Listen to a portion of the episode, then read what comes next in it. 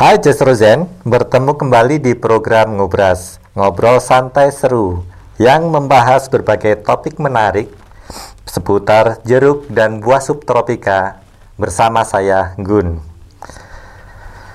Kali ini kita akan mengenalkan salah satu komoditas balai balai kita, balai Jestro, yaitu apel. Mungkin ada di antara Zen yang belum tahu bahwa salah satu komoditas yang menjadi mandat Bali Distro adalah apel.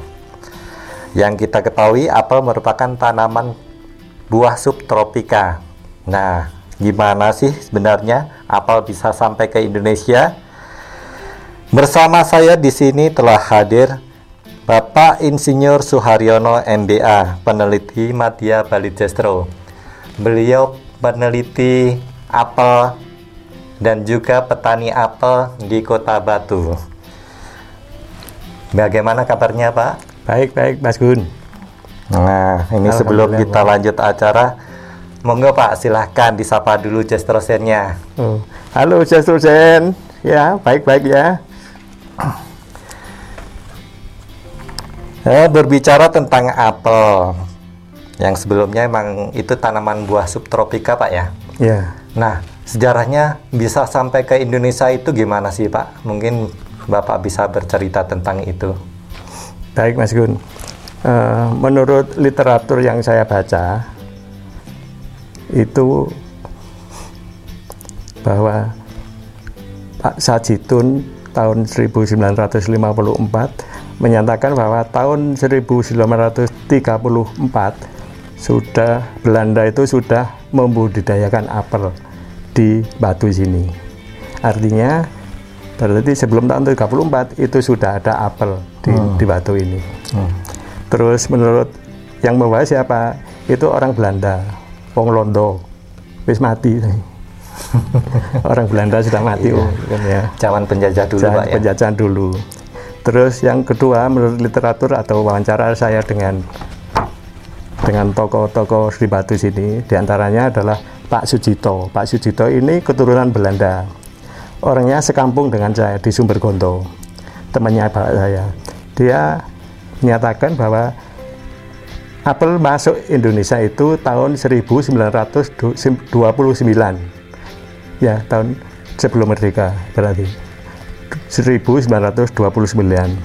Yang bawa orang Belanda juga Kapelonto, Ensjurget namanya. Namanya Ensjurget ada pada saat itu ada 19 jenis apel yang ditanam di batu ini orang Belanda. Kalau literatur yang lain atau wawancara dengan narasumber yang lain Bapak Erwi Dodo itu kepala LPH cabang Malang cabang LPH atau cabang lembaga penelitian hortikultura yang ada di Jalan Wilis dulu yang cikal bakalnya sekarang jadi BPTP itu itu membaik di kebun sini. Ya, Pak Widodo itu bercerita bahwa pada tahun 1951 cabang LPH Jakarta di Pasar Minggu mendatangkan apel 21 varietas dari Australia. Itu sejarahnya. Kemudian dititipkan di kebun percobaan di daerah Batu sini. Di antaranya kebun percobaan Banaran. 21 varietas. 21 jenis. Iya, 20 jenis, ya. Hmm. Ya, sampai di situ sejarahnya apel masuk di Indonesia. Hmm. Berarti uh, itu langsung uh, di kebun Banaran, Pak ya? Iya.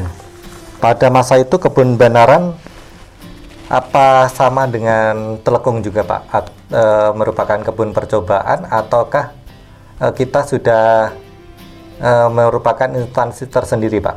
Ya, kalau kebun percobaan mana sebelumnya sudah ada uh, didirikan oleh Belanda, oleh Jawatan Pertanian kalau dulu, tapi sejak LPH itu adalah merupakan bagian dari kebun percobaan, merupakan bagian dari kebun percobaan LPH Malang itu. Kebetulan kepala kebunnya saya umur 19 tahun, lulus SPMA saya jadi kepala kebun 6 tahun di situ. Hmm. Memegang 78 varietas koleksi apel. Saya pelihara ya sampai sekarang ini. Hmm, untuk Banaran pada waktu itu dikhususkan untuk apel pak ya? Ya, Banaran memang kalau kita anu sejarah Banaran itu sebenarnya khusus untuk apel, khusus untuk apel. Nah, berkaitan dengan itu pak, uh, sejak kapan peran Litbang uh, untuk apel di Indonesia pak? Hmm. Peran Litbang di Indonesia itu ya di, Litbang itu berdiri tahun 1974 ya. Ya. Cikal bakal Litbang itu di antaranya uh, lembaga penelitian hortikultura, terus ada tanaman padi dan lain-lain. Yang hortikultura apel ya cabang LPH di pasar minggu itu cikal bakalnya Litbang di antaranya ada hortikultura apa apa hortikultura di cabang LPH. Terus kemudian padi dan lain-lain itu cikal bakalnya Litbang berdiri tahun 1974. Nah, uh, yang sekarang jadi sekarang jadi Puslitbang Horti itu, Mas Oh, itu ya, dulunya. Iya, dulu cabang LPH. Cabang pasar LPH. Minggu. Iya, pasar iya. Minggu. Hmm. Iya. Nah, kembali lagi ke sebelumnya itu, Pak uh, apakah di Batu itu pada waktu itu emang pertama kali apel datang itu langsung di Banaran itu apakah sebelumnya memang sudah ada Pak di Batu itu Pak atau di Malang mungkin yeah. di Malang apel di Batu itu pertama kan ditanam oleh Belanda itu di Pujon di Pujon desa Ngelebo desa Ngelebo. Ngelebo. Ngelebo. Ya, di Pujon. Terus kemudian berkembang di Batu ini. Uh, apel itu tahun 34 baru datang. Adaptasinya kan lama. Sampai adaptasinya Apple itu lama sekali. Sekitar 30 tahun baru budidaya secara komersial. Ini. Hmm, okay. nah tadi disampaikan kan eh, di Banaran itu ada 78 aksesi itu Pak ya? Yeah. nah itu apakah yeah. sampai sekarang itu masih ada itu Pak? Sekarang kan sudah dipindah ke Telkung rupanya mati. Nggak ada 78 kira-kira hanya tinggal 30 aksesi saja sekarang ini. 30an aksesi. Hmm. uh, untuk apa namanya uh, kriteria tempat tumbuh tanaman apel itu sendiri sebenarnya uh, cocok di tempat atau di kota yang seperti apa itu Pak? Apel itu kan bukan tanaman asli Indonesia. Iya, seperti berasal dari subtropis ditanam di Indonesia itu butuh adaptasi waktu yang lama. Syarat yang baik untuk tanaman apel di Indonesia itu adalah di daerah tinggi kering. Ini tentu tidak banyak daerah tinggi kering yang luas seperti Batu ini. Ada daerah lain seperti Nogo Jajar itu bukan tinggi kering, tinggi tinggi basah, tapi bisa ditanami apel. Tapi kualitasnya beda dengan di sini. Itu mas. Hmm, gitu. Uh, untuk wilayah Batu Malang sendiri, tempat-tempat uh, untuk yang cocok di tanam apel itu wilayah mana saja, Pak? Untuk wilayah yang ya, apa? Sampai sekarang Pujon itu masih ya, Pak ya? Pujon, Pujon masih ada. Terus di Batu kan Bu, Batu, Pujon, terus kemudian Nongko Jajar, Pasuruan. Nongko Jajar, Pasuruan, ya. terus, terus sama Poncokusumo. Poncokusumo itu sentra produksi apel di Indonesia hanya di Batu, di Jawa Timur. Di Jawa, Jawa Timur. Timur itu di Batu, Nopo Cacar, Poncokusumo. Poncokusumo tumpang sekarang Pujon masih bisa. Ya, hmm. Sentranya di sini. Tapi masih berkaitan dengan sejarah itu, Pak. Apa benar, Pak, dulu selain di Malang itu uh, juga ada di daerah NTT, Pak? Betul, itu, Pak? Ya, betul. Di NTT pernah ada dan berproduksi tapi kalau lihat pengalamannya Pak Widodo sampai apel itu berbuah nggak dipelihara berbuah banyak terus untuk makanan kuda nggak dimakan oh. nggak ada pemasarannya nggak ada ada produksi nggak ada pemasarannya masalahnya itu Terus tapi, di daerah lain juga ada. Tapi untuk informasi sampai saat ini di NTT itu masih ada, Pak? Masih ada, tapi tidak sebaik di Batu. Hmm, sayang sebenarnya, Pak ya. Iya. Padahal sudah ada tempat lain selain Batu yang bisa banyak tempat lain tuh, Oh, gitu, Pak ya. Iya banyak. Sekarang itu di di selain itu di Bondowoso pernah ditanami apel Mm-mm. ada 10 hektar di sana produksinya sama dengan di, di daerahnya tinggi kering Bondowoso Di Bondowoso itu Iya. Jestrozen. di Jawa Tengah juga ada di Tawangmangu itu Di juga Tawangmangu. pusatnya apel dulu Mm-mm. ya terus kemudian di Bali ada Di Bali. di Cenegaan Bali Cenegaan di lereng Gunung Batur itu ada produksi apel apel ana Hmm. saya dulu pernah melakukan penelitian di sana saya tidur di sana satu minggu bisa untuk meneliti apel itu terus di Bandung juga sudah ada Bandung. terus di Sulawesi Selatan ada Di Sulawesi di Bantaeng. Mm-mm. itu kita ngedrop ke sana 30 bibit apel 30 ribu bibit apel di sana. Didampingi petani apel di sana berhasil. Setelah petani balik ke sini sekarang tinggal hanya satu hektar. Dari 30 ribu itu kan hanya tinggal satu hektar yang bisa yang terpelihara dengan baik. Terus kemudian di Kalau di daerah Sumatera Pak, ada di Bengkulu di Bengkulu. Iya. Bengkulu kabarnya itu peta, bu- ada 800 tanaman. 800 ya sudah tanaman. produksi. Hmm. Tapi yang yang nanam siapa? Ternyata orang dari Batu katanya. Wah, berarti petani batu yang tinggal di Bengkulu Iya. berminat untuk mengembangkan Iya. tanaman apel itu, Pak. Saya ke Aceh, di Aceh juga ada. Oh, di Aceh juga. Di Aceh juga ada. Berarti emang lumayan banyak Jesturzen eh, tanaman apel yang bisa ditanam di wilayah Indonesia. Cuman emang masih dalam batasan-batasan tertentu. Untuk datarannya tinggi itu tinggi batasan tingginya itu seberapa itu, Pak? Ketinggian paling tidak 700 sampai 1200. 700 sampai 1200. 1200 dan itu lebih cocok ke Apel anak dan apel bukan untuk apel manalagi dan rubiti. mm, Kalau untuk apel ana lebih tinggi dari itu. Contohnya di Sorong, Papua juga ada tanaman apel, tapi nggak ada kabar pe- perkembangannya tidak berkembang seperti di Jawa Timur. Waduh. Tergantung berarti emang Iya. peran pemerintah ini Pak ya, pemerintah daerah terutama itu emang bis- memegang peranan penting untuk bisa mengembangkan hal tersebut Pak ya. Ya, ya Nah. memang pemerintah pegang peran penting, tapi tidak kalah pentingnya eh, petaninya. Kultur daripada petani apel ini orangnya adalah harus pengalaman dan harus rajin. Ya. Kalau di Batu sini orang setelah subuh ke kebun sudah. Ya. Kalau di daerah lain kan tunggu matahari terbit baru keluar rumah ya. Kalau di sini setelah subuh berangkat matahari belum terbit sudah ke ladang kalau di Hmm, iya. Nah, ini Pak untuk lanjutnya menurut catatan kami pada tahun 2006 ya pernah didatangkan varietas baru batang bawah dan batang atas apel dari Belanda melalui program Local Economic Resources Development Hmm. atau pengembangan sumber daya ekonomi lokal berbasis apel yang merupakan kerjasama pemerintah Kota Batu dengan Bappenas dan pemerintah Belanda. Eh, di antara tanaman-tanaman apel yang sudah didatangkan itu bagaimana perkembangannya Pak sampai sekarang Pak? Ya, kalau tanya perkembangannya, tutup poin aja ya. Tinggal cerita. Ya. Untuk kesemuanya Pak. Iya, itu didatangkan dari Belanda itu luar biasa. Didatangkan 10 varietas batang atas, 4 batang bawah. Tapi sudah kita pelihara di sini, karantinanya juga di sini. Karantina menyerahkan di Bali Sestro untuk diamati karantinanya.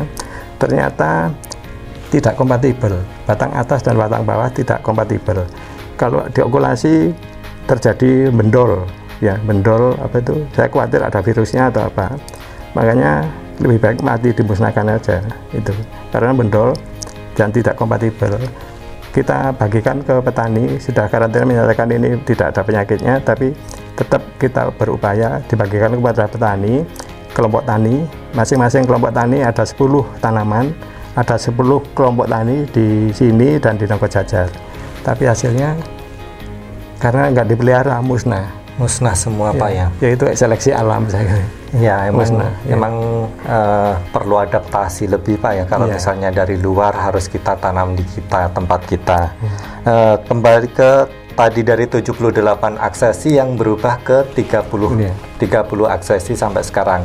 Nah, kenapa Pak dari apel yang sudah atau yang sudah berkembang itu yang terdaftar hanya tiga varietas saja. Untuk yang lainnya itu gimana itu Pak? Ya, yang sudah dilepas oleh Menteri SK Menteri Pertanian itu hanya tiga, apel rumbuti, apel mana lagi, dan apel ana. Itu. Room Beauty, mana lagi, Ana. dan apel Ana. Ya, kenapa hanya tiga varietas itu?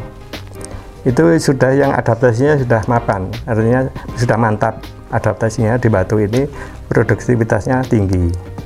Selain tiga varietas ini, belum belum ada aksesi lain yang produktivitasnya melebihi dari tiga aksesi ini. Makanya Bali Jestro tidak eh, melepas atau atau membuat varietas baru untuk diedarkan karena melalui prosedur yang sangat lama. Hmm, dan juga karena produksinya masih ada di bawah dari tiga varietas yang itu. disebutkan tadi Pak ya. Iya betul Mas Novi. Kalau produktivitasnya rendah, kita serahkan petani kasihan petaninya. Hmm, iya kasihan petani. Kalau konsumen mintanya varietas ini yang bagus, yang bentuknya selain tiga varietas itu. Tapi kalau produktivitasnya rendah, petani kan rugi. ya. Iya benar. Terus benar, belum Pak. penyakitnya, Iya, iya. amat ya. Nah, untuk di pasaran ini saya pernah dengar ada apel Huanglin, Pak. Hmm. Yang nah itu mengenai apel tersebut bagaimana itu, Pak? Apel Wanglin itu kan sudah beredar banyak di Kota Batu, tapi belum dilepas. Ya, belum ada SK pelepasannya. Iya. Nah, apel Wanglin ini karakter pembuahnya, produktivitasnya itu hanya berbuah satu tahun sekali. Satu tahun Kalau sekali. iya, kalau di sini satu tahun kan dua kali. Setelah dirompes berbunga, Iya. berbuah. Tapi kayak Wanglin ini sekarang berbuah, nanti kalau dirompes, cabang yang dirompes itu tidak mengeluarkan buah lagi. Itu karakter kembali ke anual atau tahunan itu. Karakternya kembali ke itu. Makanya ditanam di sini, di top walking kan, di sini pasti banyak. Rasanya bagus sekali, manis. Orang Jawa menah- me- menyebut apel lali jiwo, lali jiwa, Oh, saking enaknya. untuk yang Huanglin itu, Oh, Pak. Wanglin. Tapi tidak tidak di belum dilepas dan tidak dikembangkan secara banyak. Hanya di top walking kan pada tanaman apel yang sudah ada. Hmm, tapi untuk produksinya sendiri, untuk itu apakah dia masih sebanding dengan tiga varietas yang ada atau lebih atau dia masih ada di bawahnya itu, Pak? Produktivitasnya jelas ya, tidak berkembang itu karena di petani tidak berkembang karena produktivitasnya lebih rendah dari lebih tiga rendah varietas dari itu. tiga varietas yang sudah dilepas. Nah, Cistrozen itu tadi eh, berkaitan dengan sejarah apel hingga masuk ke Indonesia dan eh, peran Bali Cistro di dalamnya. Nah, untuk informasi lain mengenai eh, perkembangan apel ataupun eh, lanjutannya bisa disaksikan melalui website Bali Cistro yang ada di www.balitestro.pertani.litbang.pertanian.go.id. Ada tambahan Nabi. Gimana Pak? Ada tambahan. Oh nggih, monggo. Silakan silakan. Ini ada tambahan dari Pak Ardian mengenai apa ini Pak? Mengenai peneliti dari Badan Litbang tentang apel ini ya. Orang yang pertama peneliti ditugaskan di Malang Nggih. dari cabang LPH Jakarta, LPH apa PLH Pak? bukan PLH, LPH, Lembaga Oh, LPH. Penelit- Lembaga Penelitian Hortikultura Lembaga Penelitian Hortikultura di Jakarta yang sekarang jadi pusat penelitian hortikultura Iya. Litbang Horti itu, Iya. ya di bawah Badan Litbang. Itu namanya penelitinya namanya Pak Surahmat Kusumo.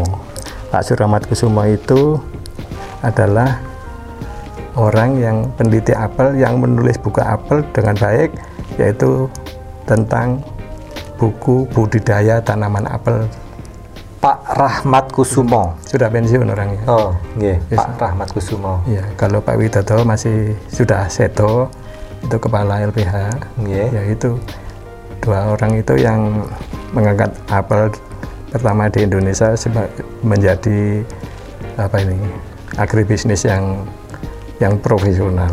Hmm. Jadi kalau ingin tahu banyak tentang apel, dasarnya adalah bacalah bukunya Pak Sar Pak Rahmat Kusumo. Karena sampai sekarang nggak ada buku apel sampai detik ini. Iya, sampai sekarang masih kesulitan untuk Iya. eh, mengakses ataupun mencari buku berkaitan dengan Literasinya Pak. sulit, literasinya sulit. Banyak literasi bahasa Belanda. Hmm. bahasa Belanda Untuk yang yang lama-lama. ditulis Belanda Iya.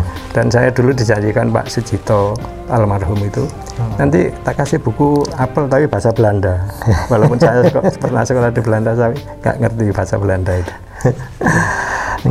makasih Mas Nabi Oke, nah itu Jestrozen eh, berkaitan dengan sejarah apel. Jadi emang dulunya dibawa oleh eh, Belanda ataupun yang lainnya berasal dari buah subtropik.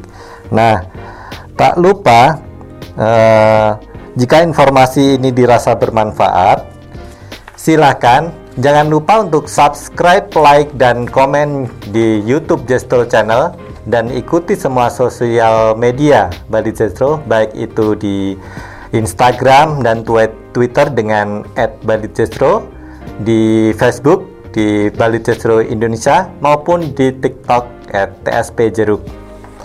Eh, Kayaknya sudah cukup Pak untuk sementara kita untuk apa bercerita-cerita tentang sejarah apel ini yang pastinya eh, apresiasi untuk Bapak Suharyono yang telah berbagi ilmu. Mudah-mudahan ini bisa memberikan eh, atau menambah wawasan kepada Jestrozen semuanya berkaitan dengan sejarah apel yang masuk di Indonesia. Oke, Jestrozen, Pak terasa kita telah sampai di akhir acara. Untuk itu kami mohon izin untuk pamit menemani Jestrozen semua. Salam. salam